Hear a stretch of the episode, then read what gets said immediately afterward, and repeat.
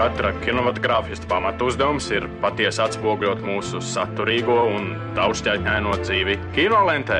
Izceļot tipisko un izlaižot mazsvarīgo, akcentējot panākumus un nenoklusējot dažkārt sastopamus trūkumus. Balansējiet, nu godājiet vēseli inženieri starp pienākumu un varēšanu. Pie jūras klimats 15 minūtes par kino.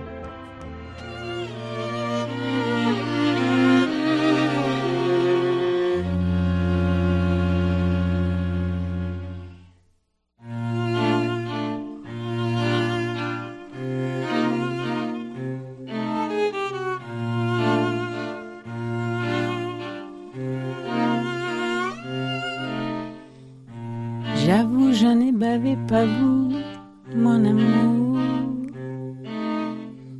Avant d'avoir eu vent de vous,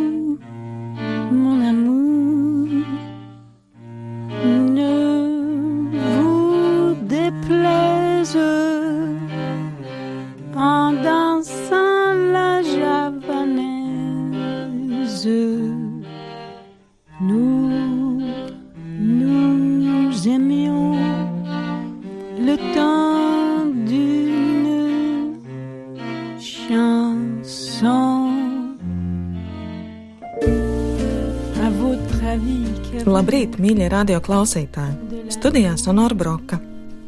Raidījumu iesākām ar šansonu no filmas Vodens forma, un tam ir būtisks iemesls.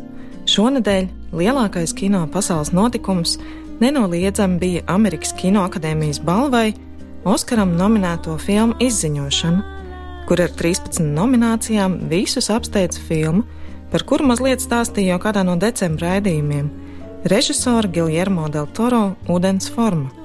Vēl nu pats 7. janvārī Del Toro saņēma zelta globus kā labākais režisors, un uz viņa balvu plauktiņa jau kopš septembra gozējas arī cildenais zelta lauva - Venecijas kinofestivāla balva labākajai filmai. Kā saka pats režisors, ūdens forma ir pasaka pieaugušajiem. Filmas darbība norisinās 1962. gadā, augstākara laikā ASV, slēgtā valdības laboratorijā, kur apkopēja Elaiza nejauši atklāja neparastu būtni - superslepena eksperimenta objektu. Arī pati Elaiza ir neparasta. Viņa ar pasauli sazinās tikai zīmju valodā, un uz kakla slēpj dīvainas rētas, kā skrāpējums, kā švīkas. Giljermo ir apbrīnojami ticis galā ar īpaši sarežģītu uzdevumu.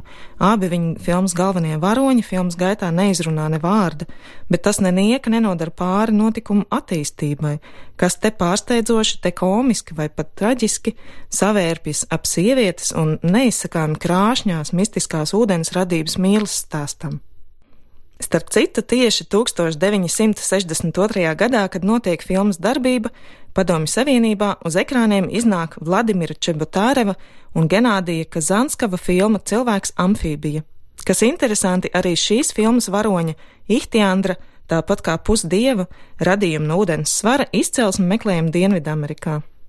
Giljermo del Toro ir īpašas attiecības ar nezvēru filmām, un par to nelielā ieskatā viņa sarunā ar Džimiju Kimmelu.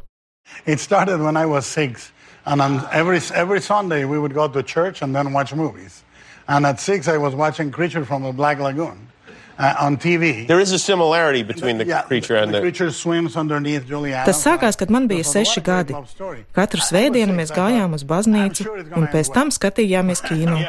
Un tā sešu gadu vecumā es noskatījos filmu Melnās lagūnas nezvērs. Es biju pārliecināts, ka filma beigsies labi, ka nezvēram viss būs labi, bet viņi to beigās nogalina. Un es teicu, ka es to izlabošu, bet bija jāpaiet 46 gadiem, līdz es to paveicu. Šī filma man patīk vislabāk no visām, ko es jebkad esmu uzņēmis. Manuprāt, tā ir pati labākā. To bija sarežģīti filmēt, un tad tā piedzīvoja pirmizrādi Venecijas filmu festivālā un ieguva galveno balvu. Un es raudāju kā tāda misas pasaule, izņemot to, ka man ir cita apkārtmēra - 200, 200, 200. Like Miss Universe. Is there any? Except with different measurements. Is there a? 80, 80, 80. Del Toro ir pārliecināts, ka jau no pirmā seansa, pirmās minūtes kinozālē, pēc publikas noskaņojuma var saprast filmas likteni. Vai nu tā ir izdevusies vai nē. Turklāt veiksme un neveiksme, viņa prāt dzīvo blakus durvīs, un uz viņa namdurvīm nav plaksnīts ar vārdu.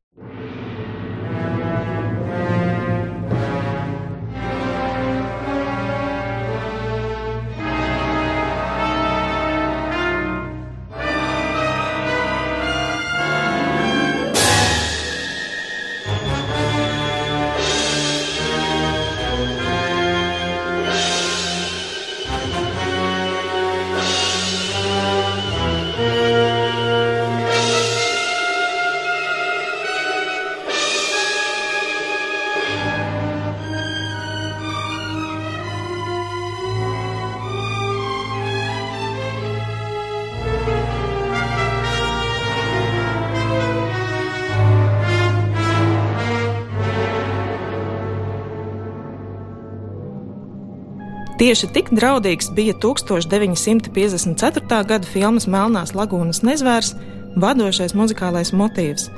Visticamāk, šīs filmas nezvēra ideja meklējama amerikāņu šausmu rakstnieka Hovarda Filipa Lovecrafta 1917. gada izstāstā Dagons. Amerikāņu filmas biedējošo nezvēru ķirzak veidīgo monstru uz divām kājām, kurš ieradies pēc blondas skaistulas, lai to aiznestu līdz dzelmē, nogalina drosmīgie pētnieki ar harpūnām un skatītāji atvieglot uzelpo.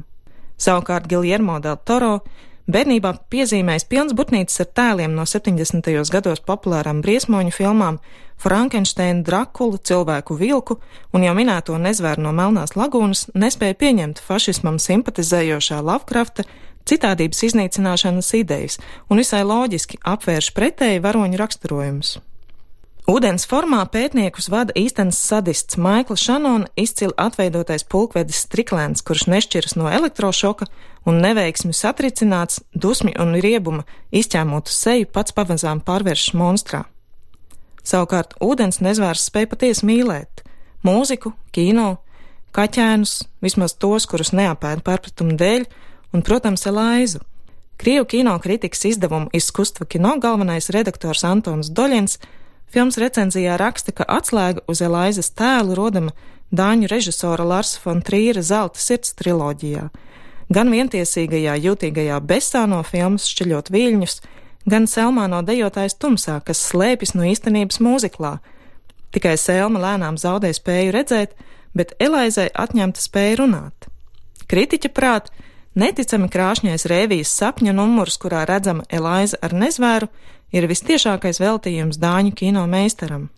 Pagājušā gada jūnijā, 88 gadu vecumā, mira Haruo Nakajima, vīrs, kuru zināja visu pasauli, tikai nekad nebūtu atpazinuši uz ielas. Viņš tēloja slaveno jūras briesmoni Godzilu 12 filmās. Nakajima tēloja arī dažādās kara filmās un pat slavenā Japāņu režisora Akiras Kurosavas septiņos samurajos, Tomēr vienīgie foto, kas liecina par viņa karjeru briesmoņu jeb kaju filmās, tapuši filmēšanas starplaikos līdz pusei milzu ķirzaka stērpā malkojot tēju vai smēķējot. Līdzīgs liktenis izveidojies Deltoro iemīļotajam aktierim, nezvēram Dagam Džonsam. Trijos no viņa kopdarbiem - Ellis puikā, Pāna labirintā, kā arī ūdens formā, Džons redzams amfībijas, fauna vai vēl kādā fantasmagoriskā kostīmā. Lai gan zelta globusa ceremonijā kalsnais vīrs ar gaišos maidu sēž blakus Elaizas lomas atveidotājai Salijai Hokinsai, ne visiem ir skaidrs, ka tas ir filmas galvenais varonis, un filmēšanas grupas intervijās viņš uzreiz stādās priekšā, lai izkliedētu neskaidrības. Pusgadu pēc zelta lauvas pie Giljermo del Toro nonāca zelta globus, Holivudas ārzemju preses asociācijas balva, un tās saņemšanas ceremonijā režisors vēlreiz pieminēja, dažādu nezvēru, jeb radījumu īpašo vietu savā dzīvē. Oh, wow. I was hoping to wipe my nose with this. uh, since childhood, I've been Kopš bērnības es esmu bijis uzticīgs nezvēriem. Tie man ir glābuši un atpestījuši, jo nezvēri, kādiem es ticu, ir mūsu svētlaimīgās nepilnības aizbildņi un viņi pieļauj un iemieso neveiksmes un dzīves iespējamību. 25 gadus es esmu radījis ļoti neparastus mazus stāstīņus no kustības, krāsas, gaismas un ēnām, un daudzos no šiem gadījumiem trijos pavisam droši. šie dīvainie stāsti, šīs fabulas ir izglābušas manu dzīvi. Pirmo reizi tas bija vēlna mugurkauls, otrais pāna labirints, un trešā reize ir tagad ar ūdens formu. Jo mums, režisoriem, tas nav tikai ieraksts filmogrāfijā. Mēs esam noslēguši vienošanos ar īpaši varenu vēlnu, kas iemaina trīs gadus dzīves pret vienu ierakstu interneta filmu datubāzē. Tā ir biogrāfija, tā ir mūsu dzīve. That trades three years of our lives for one entry on IMDb. and these things are biography and they are life. There's a summer place where it may rain or storm, yet I'm safe and warm for within that summer place. Your arms reach out to me, and my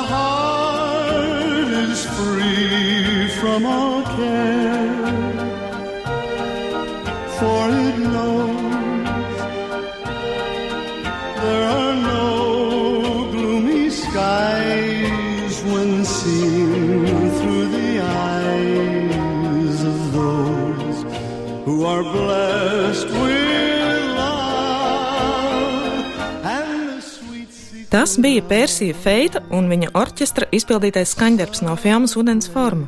Kā jau pats Del Toro minēja savā zelta globus runā, viņš ir ļoti pateicīgs vairākiem nezvēriem, vairākām savām filmām, tā skaitā arī 2006. gada pāna labirintam, kas ir gotiska šausmu pasaka, kuras darbība notiek Spānijā 1944. gada vasarā Franko režīma laikā.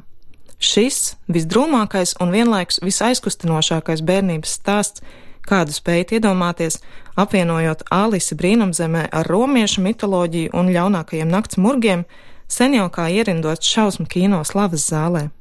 Spāņu režisoru, kā arī acīm redzot meksikāņu režisoru, Spānijā veidotās šausmu un mistikas filmas Alejandro Amenabara citi ar Nikolu Kidmanu galvenajā lomā, Bajonas režisētā patversme, visbeidzot Del Toro pāna labirints. Šīs filmas caurstrāvo pieklusināts, bet tādēļ jo īpaši stindzinošas šausmas un absolūta nolemtība.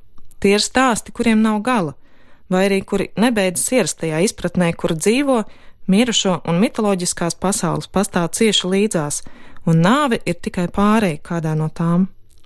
Arī pāna labirints nav izņēmums. Upura, mazas meitenes, asins lāsas iedarbina rituālos pāna valstības ornamentus, un viņa atstāja Franko diktatūras nomocīto zemi. Un līdzīga transformācija notiek arī ūdens formas finālā, kur iespējamā nāve ir tikai jauns sākums Elaizas sen aizmirstai īstajai dzīvei. Šodien es no jums atvados ar šupuļdziesmu no pāna labirinta.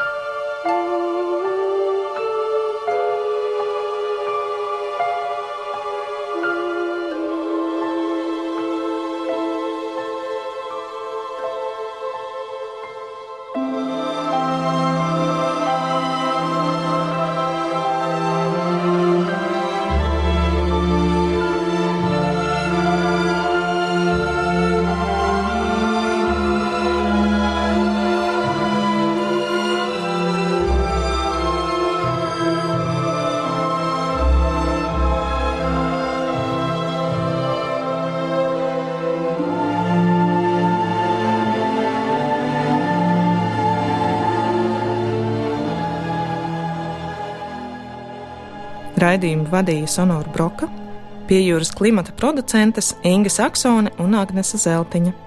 Raidījums tapis ar valsts kultūra kapitāla fonda atbalstu. Pie jūras klimats 15 minūtes par kino.